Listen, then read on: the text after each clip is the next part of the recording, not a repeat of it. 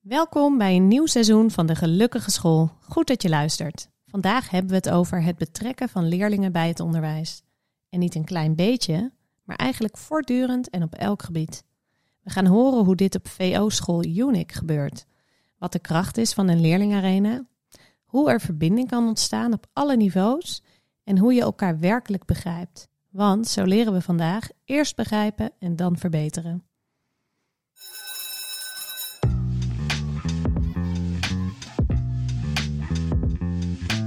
Elke dag samen een beetje beter. Met je team, met je leerlingen, met jezelf. Hoe doe je dat? Hoe zorg je ervoor dat je als leraar en leidinggevende steeds beter wordt in je vak? En hoe word je als team samen steeds sterker? En dat alles graag met minder werkdruk in plaats van meer. Daar gaan we het over hebben in deze podcast. Mijn naam is Jelle Verber. Mijn naam is Tessa Brummelkamp. Dit is de podcast van Stichting Leerkracht. De gelukkige school.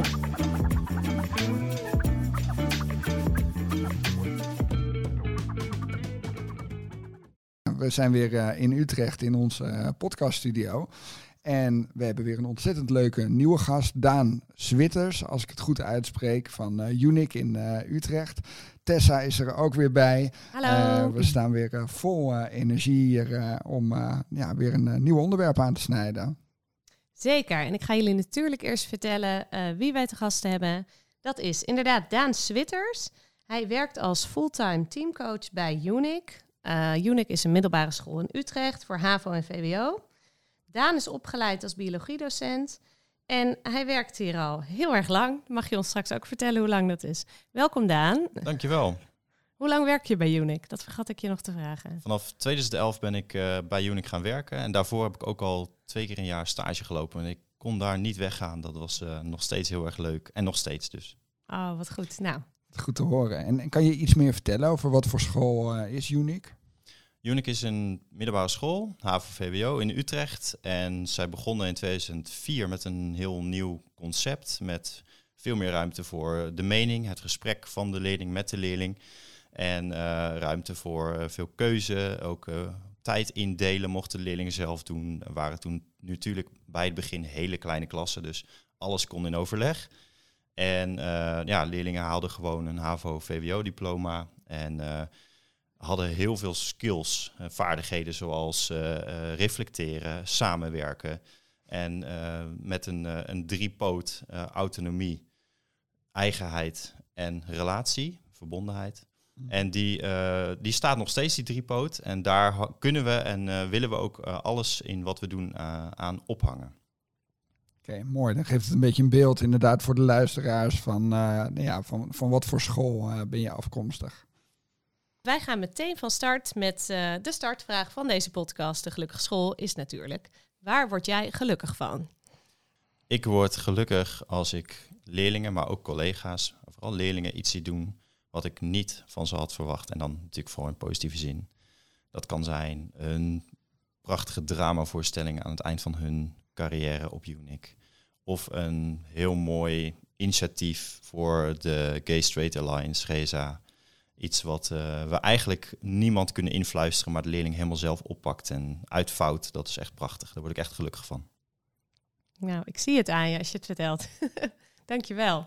En wat ik zo mooi vond toen ik jou uh, hiervoor aan de lijn had, is dat jij zei: hey, jullie podcast heet uh, De Gelukkige School. Maar dat zijn wij. Wij zijn de Gelukkige School. Dat maakte mij heel enthousiast om jou weer uit te nodigen.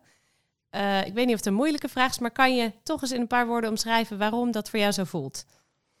Dat is zeker een moeilijke vraag, maar dat is daarom juist het beantwoorden waard. wij zijn de Gelukkige School. Tenminste, zo ervaar ik dat natuurlijk. omdat we echt in verbinding staan met de leerling en ook de ouders van de leerlingen.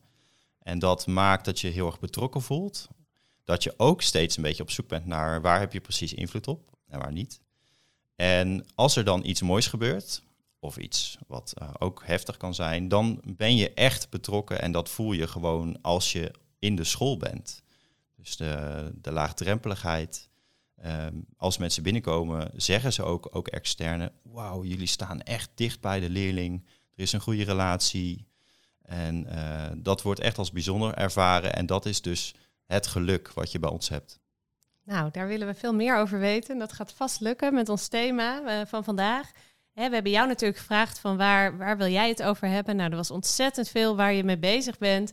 Maar we hebben gekozen voor eh, het betrekken van leerlingen bij het onderwijs. En dat, dat maakt wel nieuwsgierig naar uh, wat, wat, wat, waarom vind je dat zo'n belangrijk thema? Dus wat spreek jou daar zo in aan? Het betrekken van leerlingen is een ontzettend belangrijk thema, omdat je daarmee dus, wat ik net kort zei, iets over invloed en uh, betrokkenheid, dat je dat beter kunt afstemmen als je elkaar begrijpt. Dus ook als je als docent de leerling begrijpt, dan kun je iets voor die leerling of iets extra's voor die leerling betekenen. En dat is ook iets waar wij heel blij, heel gelukkig van worden op school. Dus dat moeten we steeds ook vragen, gewoon letterlijk vragen. En niet alleen waar word je blij van, maar vooral wat heb je nodig. En dan dus ook echt luisteren. En daarom is dat heel erg belangrijk. En doen we dingen om dat te regelen.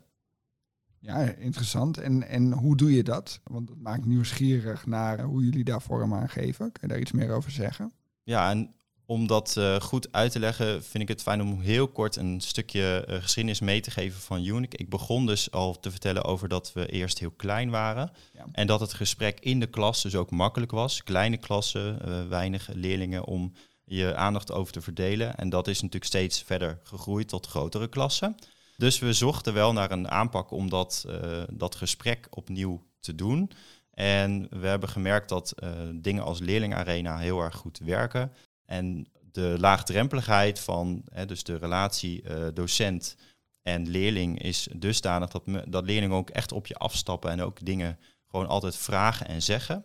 Uh, dus er gewoon al zijn, het klinkt te simpel, maar gewoon er zijn en ook dus de aandacht hebben, gewoon af en toe even niks zenden als docent, zorgt voor gesprek over wat er nodig is.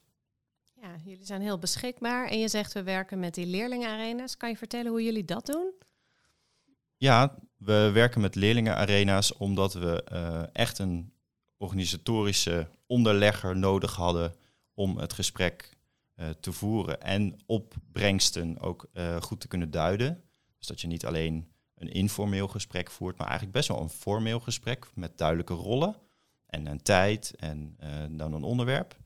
En dat um, doen we op thema, zoals eigenlijk een beetje het, voorschrift is. Uh, waarbij uh, leerlingen vaak heel enthousiast worden over wat ze mogen bepalen. Of dit, dat die ruimte, dat gevoel van ruimte ontstaat.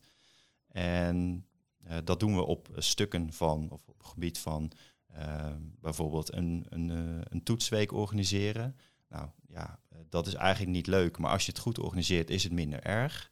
Dus dan is het vaak goed om even het perspectief van de leerling helemaal mee te nemen. We doen dat op het stuk van, uh, van feesten. Uh, waarom wil je een feest geven? Waarom wil je iets vieren? Wat is daar de bedoeling van? Uh, en dan zit, zit je met een, met een, met een generatieverschil. Oh ja. Waarbij je ja, sommige opvattingen over feestvieren hebt die je ook gewoon even bij elkaar moet brengen. Dan moet je dus ja. wel even goed luisteren naar wat zij verstaan onder iets vieren. Ja, oh, mooi voorbeeld ook. Leuk. En, en voor wie de leerlingarena niet kent, ik denk dat jullie als docenten uh, enkel luisteren naar de leerlingen die op dat moment ja, door één docent bevraagd worden. Klopt dat? Op een thema. Ja, we luisteren enkel en dat vinden we ook tegelijk heel moeilijk, want ze hebben daarna wel gelukkig een nagesprek om dan nog even te vragen van hoe was het en uh, wat verwachten jullie nu van ons en dat stem je dan af. Vaak zie je dat er een, een deel van een, een oplossing of een initiatief daarin ook door de leerlingen wordt opgepakt. Omdat ze zelf gewoon enthousiast worden over ja, niet alleen het gesprek en dus het gevoel van ruimte en invloed, maar ook uh, dat ze gewoon echt iets willen doen. Mooi. Ja, we zullen ook een uh, uh, linkje naar de Leerlingen Arena en de visual zullen we op de podcastpagina zetten. Um, ik ben wel nieuwsgierig, want jij zal in je tijd bij Unic, jullie werken ook al langere tijd met die leerkrachtmethodiek uh, met uh, de arena's. Je zal ontzettend veel gesprekken hebben gevoerd met leerlingen, zowel in arena's als in allerlei andere vormen. Um, is er een gesprek of een inzicht wat je is bijgebleven, waar je nog steeds wel eens aan terugdenkt van, oh, dat, ja, daar dacht ik toch heel anders over, of dat heeft me echt verbaasd? Ja, een aantal jaar geleden hebben we een leerlingarena gedaan over uh, het verspreiden van bepaalde toetsmomenten, belangrijke toetsmomenten in de bovenbouw. Wij dachten dat we als uh, bovenbouwdocenten begrepen hoe dat het beste kon. Maar eigenlijk deden we dat al een paar jaar niet zo goed. En het gesprek heeft ons doen beseffen dat het beter verspreiden en het ook steeds checken met die leerlingen van, nou ja, hoe moet dat? Ja, heeft, heeft tot een, echt een grote verbetering geleid. En ik had niet gedacht, we hadden niet gedacht dat dat eigenlijk zo makkelijk op te halen was. Ja, ja. Dus we, dat, ja, dat voelde op dat moment bijna als in dom, gemiste kans. Hoe kan dat? Maar tegelijk natuurlijk werden we beloond omdat we het wel kregen. En uh, dat, dat uh, resoneert of dat echoot eigenlijk nog steeds nu door. Dus dat we ook in de jaarplanning opnieuw steeds kijken, ja, hoe kan dat het beste? En kunnen we eens een keer een leerling bevragen? Oh, wat bijzonder. Ja. Hoe, hoe was dat voor de leerlingen, dat moment? Een verademing. Dat ze überhaupt uh, plaats mochten nemen en dat er iets mee gedaan werd. En dat het op korte termijn ook zichtbaar werd wat we dan deden. Dat, uh, dat hadden ze eigenlijk zelf ook niet verwacht. Echt prachtig. En ik vind gelijk ook een les voor iedereen die wel met arena's werkt, dat jij het nagesprek eigenlijk dus ook groter maakt. En zelfs een deel, uh, als leerlingen willen, uh, acties met hun verdeelt. En wat zij nog meer verwachtingen afstemt. Ja. ja, ik heb ook nog wel eens een andere variant inderdaad gehoord. Dat eerst zitten de leerlingen in het, uh, in het midden en dan luisteren de docenten. En Oh ja. daarna worden de rollen omgedraaid.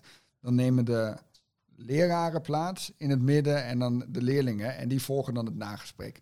Maar ja, op het moment dat je een goede dialoog kan hebben, natuurlijk is het ook super waardevol. Dus het is ook gewoon zelf experimenteren uh, met, uh, met dat format. Ja. Ik ben wel nieuwsgierig, zijn er nog andere manieren waarop jullie leerlingen betrekken? Ja, die, die vraag vind ik stiekem best wel moeilijk, omdat, omdat ik er zo in zit dat het me gewoon niet meer opvalt. Dus uh, natuurlijk heb ik van tevoren wel over deze vraag mogen nadenken. Dus ik, ik heb wel een antwoord, maar dat wil ik even wel bijzeggen. Dat het bijna een soort van valkuil is van uh, je bent zo ondergedompeld in de, in de wereld van ook uh, de, de leerling dat het uh, soms even niet meer opvalt. Maar dat is omdat dat zo eigen is aan het DNA van jullie school en dat het zo vervlochten zit of zo. Dat het, dat het overal in zit. Exact. Ja, precies dat. Nou, we lopen in pauzes lopen we gewoon vrijwillig lekker door de school. Dat zou je surveillance kunnen noemen, maar het is eigenlijk vooral gezelligheid. En dat lukt heus niet elke dag uh, supergoed, maar dat is ook wel uh, een, een extraatje om het gesprek van de leerling op te vangen.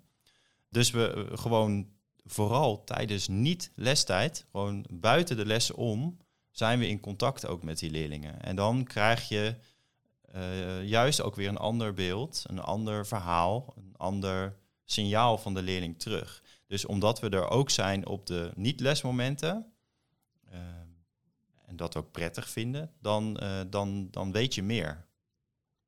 Dus dat is een, ja, een tip of dat is een manier om dat te doen. Ja, we zijn dol op tips. Dus uh, dat, dat, dat, is sowieso, uh, dat is sowieso goed. Ja, ja, leuk. En in de les?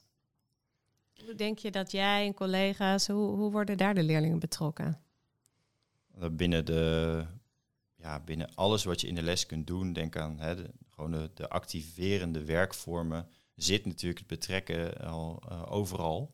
En uh, als je dat benut en even je misschien niet laat leiden door alle lesstof die je moet behandelen, dan merk je dat je daarna vaak wel meer lesstof kunt behandelen, omdat leerlingen dat ook gewoon bij je opkomen halen, in plaats van dat je het moet geven en dat je maar hoopt dat het na een uur of anderhalf uur er is. Dus uh, eerst maar eens even soms een check-in doen in de les. En laat die leerlingen maar eens een smiley kiezen en dan ook echt even een reactie vragen.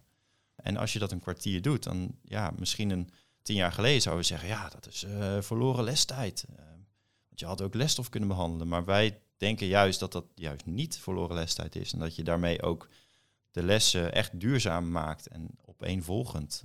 Dat je elkaar echt begrijpt. Ja, is dat ook jouw ervaring? Want je hebt altijd mensen die zeggen dan van ja, maar dat gaat ten koste van inderdaad de, de, de effectieve leertijd of het leerrendement of leerlingen leren minder. Hoe kijk jij daarnaar? Je moet slim kiezen wanneer dat kan en wanneer het niet kan. En ik denk niet dat je elke les een kwartier nodig hebt om dat te doen. En, uh, en vijf smileys per dag geven voor een leerling is ook niet meer interessant. Nee. Want die leerlingen hebben natuurlijk meerdere verschillende lessen en docenten voor hun neus. Dus die, die zitten niet op vijf smileys per dag te wachten. Nee, dan zou ik zelf ook helemaal, helemaal gek worden, inderdaad. ja. Dus daar kun je slim in kiezen. Je kunt uh, als docententeam ervoor kiezen om een bepaalde dag uit te zoeken. Om, uh, om meer aandacht te hebben voor elkaar in de klas. Even los van wat je wil behandelen qua inhoud. Ja. En dan uh, ook eens gewoon te kunnen doorvragen op het zakelijke stuk. Namelijk bijvoorbeeld van hoe leer je? Welke, met welke leerstrategie ben je bezig?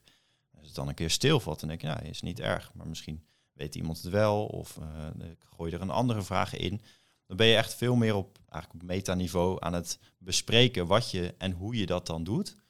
En dat, dat maakt het interessant om, om die verbinding met die leerling te behouden op zo'n manier. Dan, dan blijf je je dus verplaatsen in hoe dat werkt. En dan is het wel effectiviteit waar je het over hebt. Want dan doe je dus iets waar leerlingen uiteindelijk mee verder komen. Ja, dat is ook een mooie definitie inderdaad ja, dingen doen waar leerlingen verder meekomen. Want dat is ook altijd de vraag van wat is effectief uh, op, op welk moment natuurlijk. Maar goed, ik wil geen hele filosofische discussie hier gaan openen. Nou, ik denk ook aan de, iets van de Loesje. Is dat een Loesje-uitspraak van je leert alleen maar van de leraar ja, van de, van, van de gelukkige leer. Van oh, leer je het meest? Ja. ja. nou, die is ook heel mooi aansluitend. Van de gelukkige leraar leer je het meest.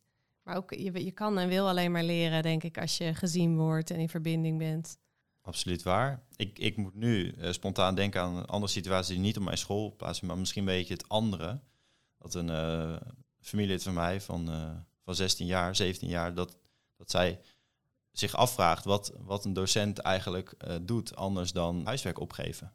Ja. En ja, dat zie ik niet op Unic. Dat, is, dat, dat doet echt een beetje pijn als zij dat zegt. En dat, daar wil ik haar dan wel bij helpen. Maar um, ja, dan denk ik, oeh, dat is wel even wat anders. Als ik de docent zou zijn die alleen huiswerk opgeeft en dat heel efficiënt doet, denk ik, ja, maar heeft de leerling daar wat aan? Die vraag moet je af en toe stellen. Bij alles wat je doet misschien, dat is dat filosofische stuk. Want op welk moment stel je die vraag, hoe beantwoord je die? Maar heeft de leerling aan wat ik nu in de les doe, is echt nodig om de leerling iedere dag wat meer te gunnen. Ja, en hoe doen jullie dat als team, zeg maar? Want dit is, dit is jouw verhaal, maar hebben jullie daar ook binnen het team of binnen jullie teams met elkaar over? Als ik zoiets zeg, wat ik net zeg over, nou, heeft de leerling wat aan, een soort denkstap die je misschien kunt doen voordat je iets doet in de les, dan zie ik heel veel mensen ook denken of even niks zeggen, beamen. En sommigen zie ik ook een soort komma plaatsen en dan denken, ja, maar ik ben druk met andere dingen. Dus hoe het gezamenlijk werkt in een team is uh, vanuit het mentoraat. Hè. Dus als iedereen is mentor bij ons. En um, dan heb je een gezamenlijke aanpak. En dan heb je een begin van een periode en een eind, of een begin van een jaar en een eind van een jaar. En daarin bespreek je gezamenlijke doelen. En uh, je neemt uh, de tijd om elkaar te begrijpen. En dat zorgt ervoor dat je die ervaringen van die leerlingen ook weer met, het, met elkaar als docenten kunt delen. Zodat je dus de inzichten en hoe lukt het bij jou in de klas om te begrijpen wat de leerlingen kunnen en willen. Om dat, om voor elkaar te weten. Dan kun je elkaar gaan helpen.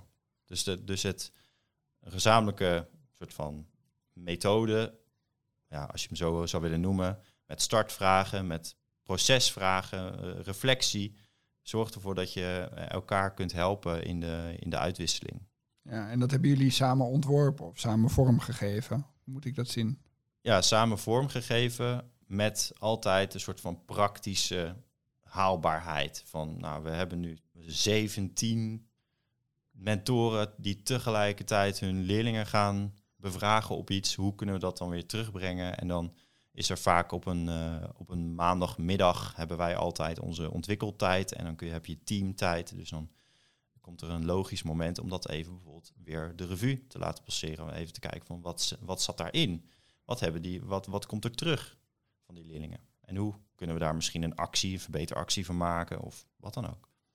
Die weer op een verbeterbord terechtkomt, gok ik zo. Uiteraard. uh, aan verbeterborden bij ons geen gebrek. Er hangen zelfs soms na initiatieven nog hele witte borden uh, aan de muur. Omdat ze dan uh, nog niet zijn ingericht. Want ja, als je een bord inricht, dan gebruik je hem ook meteen. Kijk. Dat is geen behang. En als het wel behang is, dan komt er iemand met een, uh, met een oplosmiddel langs. En dan is het, hé hey jongens, mag dit eraf? Goed zo. Oh, mooi. Mooi om te horen.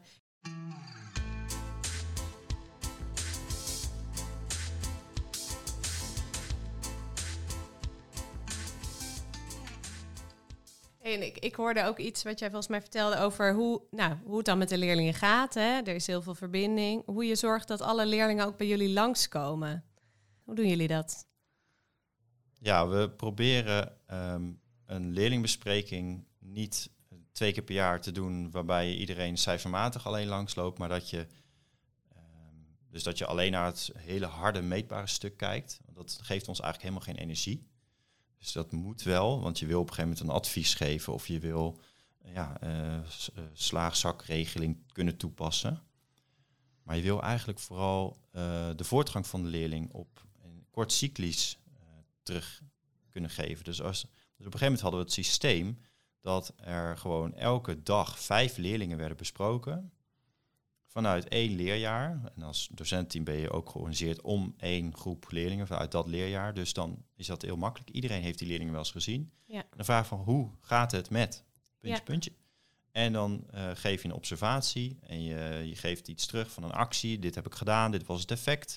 Soms is het echt problematisch dat je denkt, oh jongens, wat moeten we hiermee doen? We hebben hulp nodig of eh, laten we deze aanstaande maandag nog eens bespreken, want het- we komen hier niet uit. Dit gaat niet goed.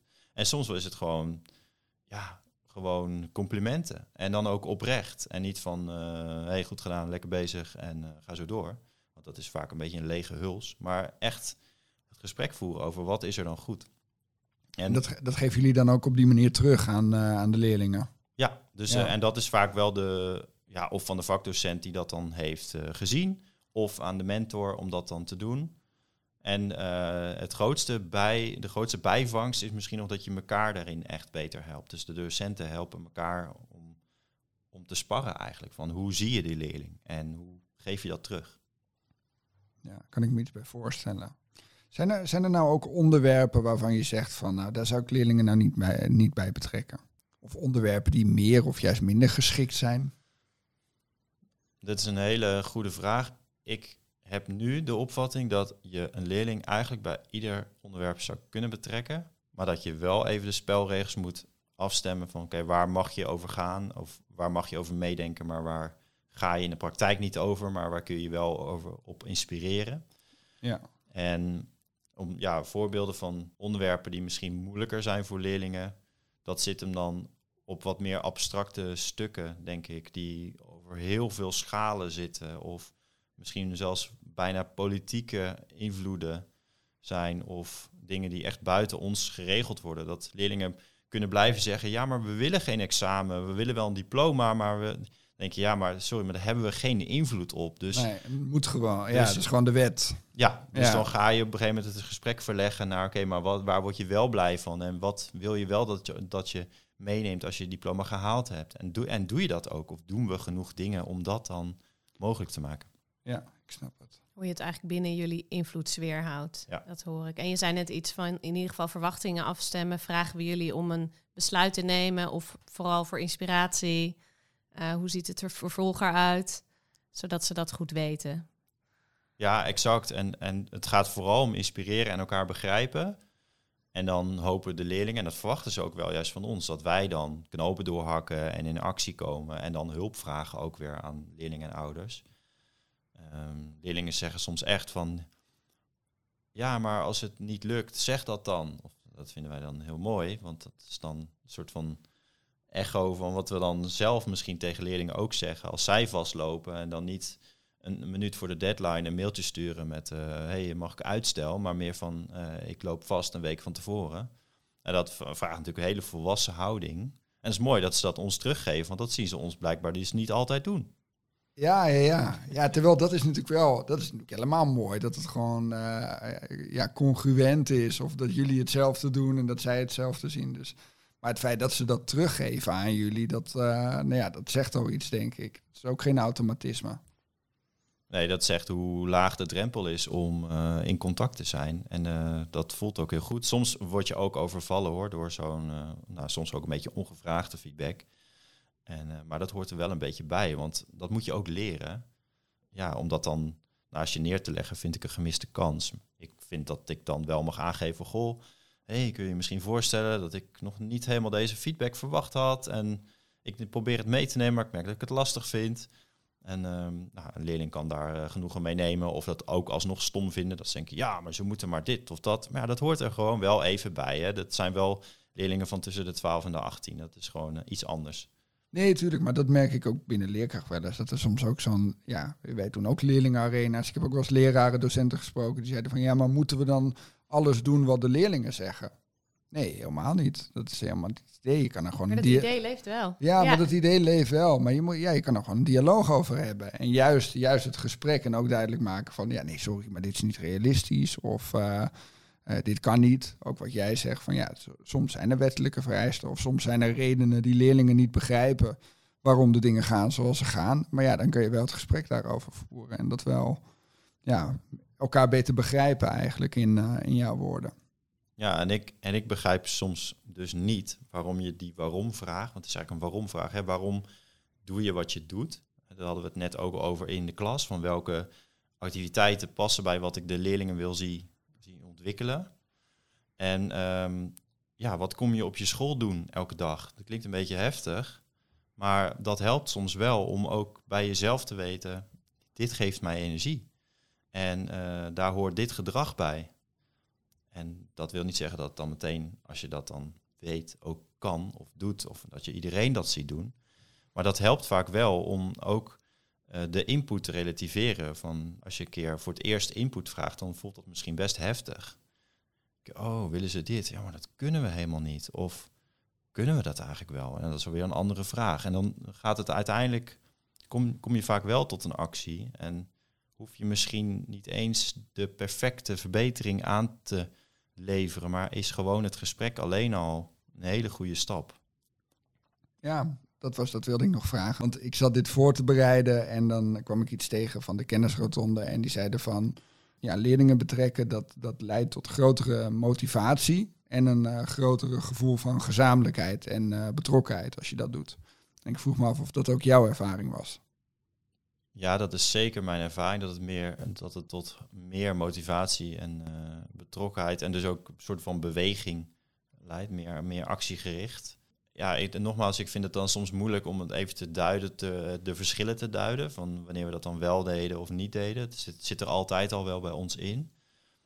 Um, maar stiekem heb je wel eens gewoon situaties waarin je heel hard aan het werk bent. En eigenlijk de leerling een beetje, klinkt een beetje vervelend, maar een beetje vergeet. Omdat je zo druk bent en in de waan van de dag, ik zeg maar wat nakijkwerk, dan betrek je de leerling eigenlijk niet. Dan heb je een soort van offline helemaal uh, ver van elkaar uh, relatie. En vaak en met feedback die ook veel later komt. Leerlingen zijn weer met iets anders bezig. Dat is helemaal niet de verbondenheid die je eigenlijk wil. Dan ben je knetterhard aan het werk. En dan heb je alles af en denk je, ja, ik heb het goed gedaan. En dan krijg je tussen aanhalingstekens gezeur van, ja, maar dit punt had wel toegekend moeten. Ja, moest je eens weten hoe hard ik daarover na heb gedacht. Nee, tuurlijk weten ze dat niet. Dat staat nergens. dus dus het, dat, dat verplaatsen, dat is heel moeilijk. En als dat wel lukt, als je bijvoorbeeld, hè, dat, maar goed, dat is een, natuurlijk een bekende, dat je het werk zelf laat nakijken of door een, een peer, door een, eh, een, klasgenoot. Dan krijg je natuurlijk wel, dan kun je dat gesprek daarover voeren. En dan, is het, dan heb je eigenlijk die verbinding weer tot stand gebracht en je voert het juiste gesprek. Dus uh, ja, dat leidt inderdaad tot motivatie. Want die leerling die gaat die link leggen met, oh, maar zo dacht ik toen. En oh, dus zo, die, die ander denkt ook zo, dus dat mag wel. Dat is niet erg. En dan, dan ben je met de juiste dingen bezig. Dus, dus ja, motivatie. Ja, en jij legt hem uit als betrokkenheid onderling nu toch ook tussen peers, als je elkaars werk nakijkt. Terwijl ik gelijk dacht aan tussen docent en uh, leerling, maar het werkt natuurlijk alle kanten op. Ja, nogmaals, we begonnen eerder al iets over uh, van, van wat, wat is de invloed als docent. Nou, niet als je alleen maar huiswerk opgeeft. En dan moet je volgens mij helemaal doortrekken naar, maar waar zit dan de grootste invloed? En dat is volgens mij, natuurlijk moet een, een, uh, een leraar moet goed zijn. Dat is ook dat waar leerkracht zich op focust, van het verbeteren van, uh, van de vaardigheden, misschien ook van, van docenten onderling. Hoe werken ze samen? Hoe kunnen ze samen doelen stellen, et cetera. Um, en als het je lukt om in de klas de leerlingen met elkaar uh, goed in verbinding te brengen, dan hebben ze daar veel meer aan, want dat is hun generatie. En Dan kunnen zij het met elkaar afstemmen. En die vaardigheid nemen ze gewoon een hele leven lang mee.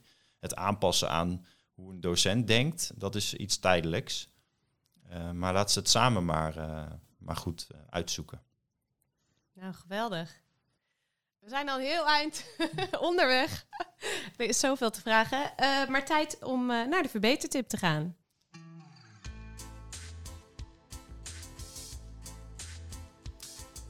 Hallo, mijn naam is Johan Kamminga. Ik ben leraar op de basisschool De Sprankeling.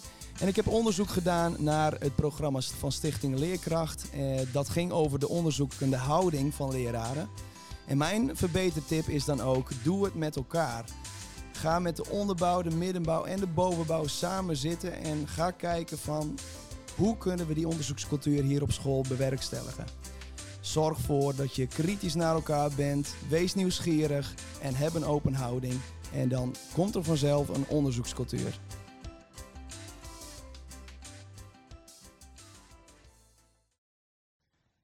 Ja, daar zijn we weer terug met uh, Daan Switters nog steeds bij ons in de podcaststudio. En uh, nou als we het over tips hebben, misschien is het wel een mooi moment om uh, eens te gaan naar ja, hoe doe ik dit nou zelf. Dus ik vind de voorbeelden die Daan geeft zo inspirerend. En jullie zijn er jaren mee bezig, dat begrijp ik hoor. Maar wellicht zijn er ook al wat kleine dingen die, die je mensen kan aanraden. Van stel nou ik wil op mijn eigen school, wil ik dit ook meer gaan doen. Hoe pak je dat dan aan? Ja, een stuk aanpak bij betrekken van leerlingen en elkaar begrijpen is gewoon eens een keer binnenlopen in de school en merken hoe wil ik hier mijn werk doen. Met in eerste instantie met collega's. Wat, wat wil je graag samen doen? En voeren het gesprek over de leerling eens. Ook niet alleen maar tijdens een leerling bespreken, maar misschien gewoon tussen neus en lippen door op de gang bij het koffieautomaat. Waardoor je uh, ook elkaar wat beter daarin gaat begrijpen. Ook als de, de peers onderling van de, van de leraren dus. Dat helpt om je in de ander te kunnen verplaatsen en met elkaar mee te denken. En elkaars struggles af en toe ook te zien. En samen iets te kiezen wat dan, wat dan tot verbetering kan leiden. En niet te wachten totdat er een leidinggevende zegt, maar nu gaan we allemaal puntje, puntje, puntje. Kan. Maar hoe doe je dat dan? Stap je dan gewoon op mensen af? Begin je gewoon tegen iemand te praten? Wat voor mij vaak werkt, is dat ik een voorbeeld geef of van een situatie waar ik zelf niet lekker in zit. Of waar ik gewoon even wat minder energie van terugkrijg. Iets waar ik mee zit. En dat, hoeft, dat kan iets kleins zijn. Stel je voor, ik heb met een leerling iets afgesproken. Die leerling komt die afspraken niet na. Ik ken die leerling eigenlijk niet zo goed dat ik dat helemaal begrijp. Dus ik wil het begrijpen. Weet jij meer? En dan, dan ook even doorgaan op, oké, wat spreken we dan nu af? Want daar komt vaak iets uit van, oh, uh, oh nou, dan ga, ga, ik nog wel dit of dat. Of, en dan elkaar bevragen, is dat, is dat een, de helpende stap voor de leerling? Is dat inderdaad waar de leerling behoefte aan heeft? En hoe kunnen we dat vragen? Kunnen we misschien met z'n drieën een keer met die leerling in gesprek gaan? Want ja, ik hoor jou iets anders zeggen dan jij, dan, dan, dan dat ik zeg. Nou, dus, dus gewoon even doorvragen. En als je nou op school nog heel weinig gewend bent om leerlingen ergens maar bij te betrekken, waar kan je dan beginnen? Kan je dan zomaar zo'n arena gaan houden? Ik zou denk ik beginnen, als je leerlingen wil betrekken bij wat je dagelijks doet, dan zou ik beginnen bij bijvoorbeeld een, een feedbackgesprek, een retrospectief misschien doen. Gewoon in de klas. En daar komt van alles uit. En daar kun je misschien dan, terwijl dat ontstaat, ook aangeven van wat is interessant om op korte termijn misschien nog eens verder te bespreken? Wat is misschien nog te moeilijk? Zodat je ook de leerling meeneemt in, in hoe je dan omgaat met die vorm van reflectie, vorm van feedback. En dat je voldoende de verwachtingen kunt managen op dat stuk. Want ik snap de soort van angst wel dat als je een leerling gaat bevragen, dat je denkt dat die leerling een soort van carte blanche krijgt en dan, oh, dus dan gaat de docent dit voor ons regelen. Nee, je wil de leerling in regie hebben op een bepaald stuk. Als docent heb je de opleiding gevolgd en weet je ontzettend goed wat er nodig is. Maar je weet niet alles. En als je dat toegeeft, of eigenlijk gewoon regelt, namelijk door feedback te vragen, dan gewoon in de klas aan het eind van je les of aan het eind van de periode, als je een kwartier over hebt, ga het maar eens gewoon doen. Mooi. Super. Want, want heb jij dat ook gedaan, die retrospectives eh, met, eh, met leerlingen? Ja, zeker. Ehm, ik deed altijd eh, één of twee keer per jaar een retrospectief met gewoon mijn klas biologie. Ik ge- geef eh, biologie en eh, althans nu wat minder, maar toen wat meer. En dan wilde ik gewoon echt weten van, nou ja, ik zit misschien in een bepaald stramien, een ritme, een, een, een gedragsvorm die bij jullie ja, gewaardeerd wordt, maar soms ook misschien niet. En laten we dat even tegen lamp eh, houden van... eh, als jullie nu terugkijken op de afgelopen vijf weken, hoe, wat hebben jullie eh, ervaren? Wat, wat waarderen jullie? Hè? Dus gewoon het, het doorgaan, eh, start, stop, eh, meer, minder.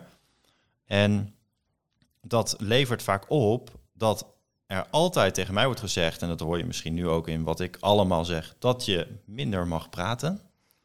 Nou, in, in, in, in een podcast is het je vergeven. Oh, ja. dat scheelt. Nee, dus dat, eh, dat, eh, dat leerlingen vaak eh, behoefte hebben aan echt actief bezig zijn. Want ze merken dat ze daarmee gewoon meer vertrouwen krijgen in wat ze doen. Iedere keer ben ik een soort van balans aan het maken van ja, maar ik wil wel iets vertellen. Ik wil wel een bepaalde sturing geven aan een bepaalde lesstof. En ik wil ze daarna wel in actie zetten. Dus dat houdt mij altijd scherp op als ik in de klas ga staan.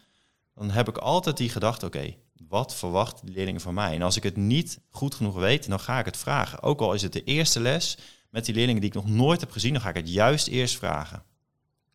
Oh, dat is ook een hele mooie tip. Denk ik, om gelijk verbinding te creëren. En te laten zien dat je het ook niet altijd hoeft te weten als docent. Ja, klopt. Ja. Ehm, omdat jullie school hier al best wat verder in is, dan ben ik ook benieuwd naar soort tips voor gevorderden. Want jij werkt als teamcoach, dus jij begeleidt eigenlijk eh, ja, de docenten volgens mij die hier steeds beter in willen worden. Wat zijn dan de dingen waar zij vaak nog in kunnen verbeteren of mee bezig zijn hè, op het gebied van leerling betrekken? Wat heel krachtig is, is dat je als team dezelfde leerlingen ziet en ervaart. En als het dan ook lukt om die ervaringen met elkaar te delen als docententeam, dan ga je zelf die verbeteracties ook bedenken. Die zijn er al, die ontstaan. En dan helpt het ook weer, als, je dat, als dat lukt, om vervolgens eh, echt te gaan prioriteren van wat heeft het meeste invloed op hè, dat wat we willen bereiken. En zo ga je van boven naar beneden werken. Dus eh, eerst met elkaar naar dezelfde eh, dingen, in dit geval geen dingen, maar mensen kijken. Ja, En dat organiseren. Dat zorgt, dan, ho dan hoeft niemand anders te vertellen wat er nodig is voor de volgende stap. Dat weten docenten echt zelf. nou dat blijkt uit deze tip. Je geeft geen inhoudelijk antwoord, maar je zegt organiseer het zodanig zodat zij elkaar de goede tips kunnen geven. En maak daar pri- prioriteiten van.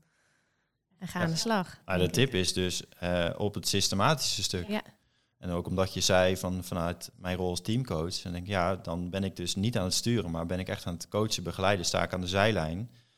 En dan als er, als er even een moment is, dan vraag ik van, oké, wat zou nou helpen om dit vaker te doen? Of waar wil je meer van? Of eh, hoe kun je dat organiseren? En dan geef ik het liefst ook geen inhoudelijke tip.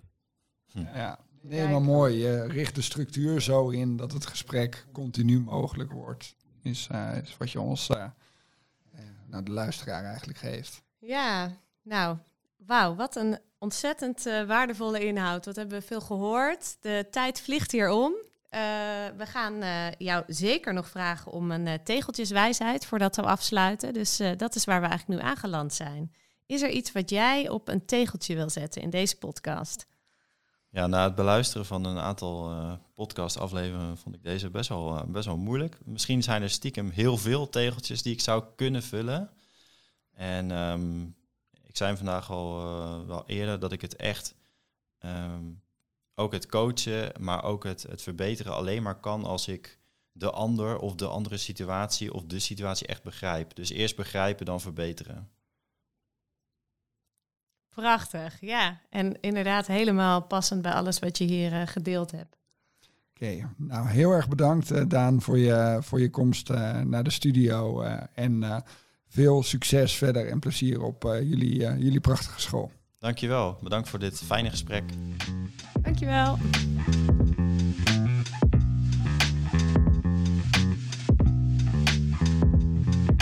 Dit was de Gelukkige School podcast. Wil je onze volgende podcast niet missen? Abonneer je dan. Met je feedback of een suggestie voor een volgend onderwerp? Geef het door of laat een recensie achter in de podcast-app.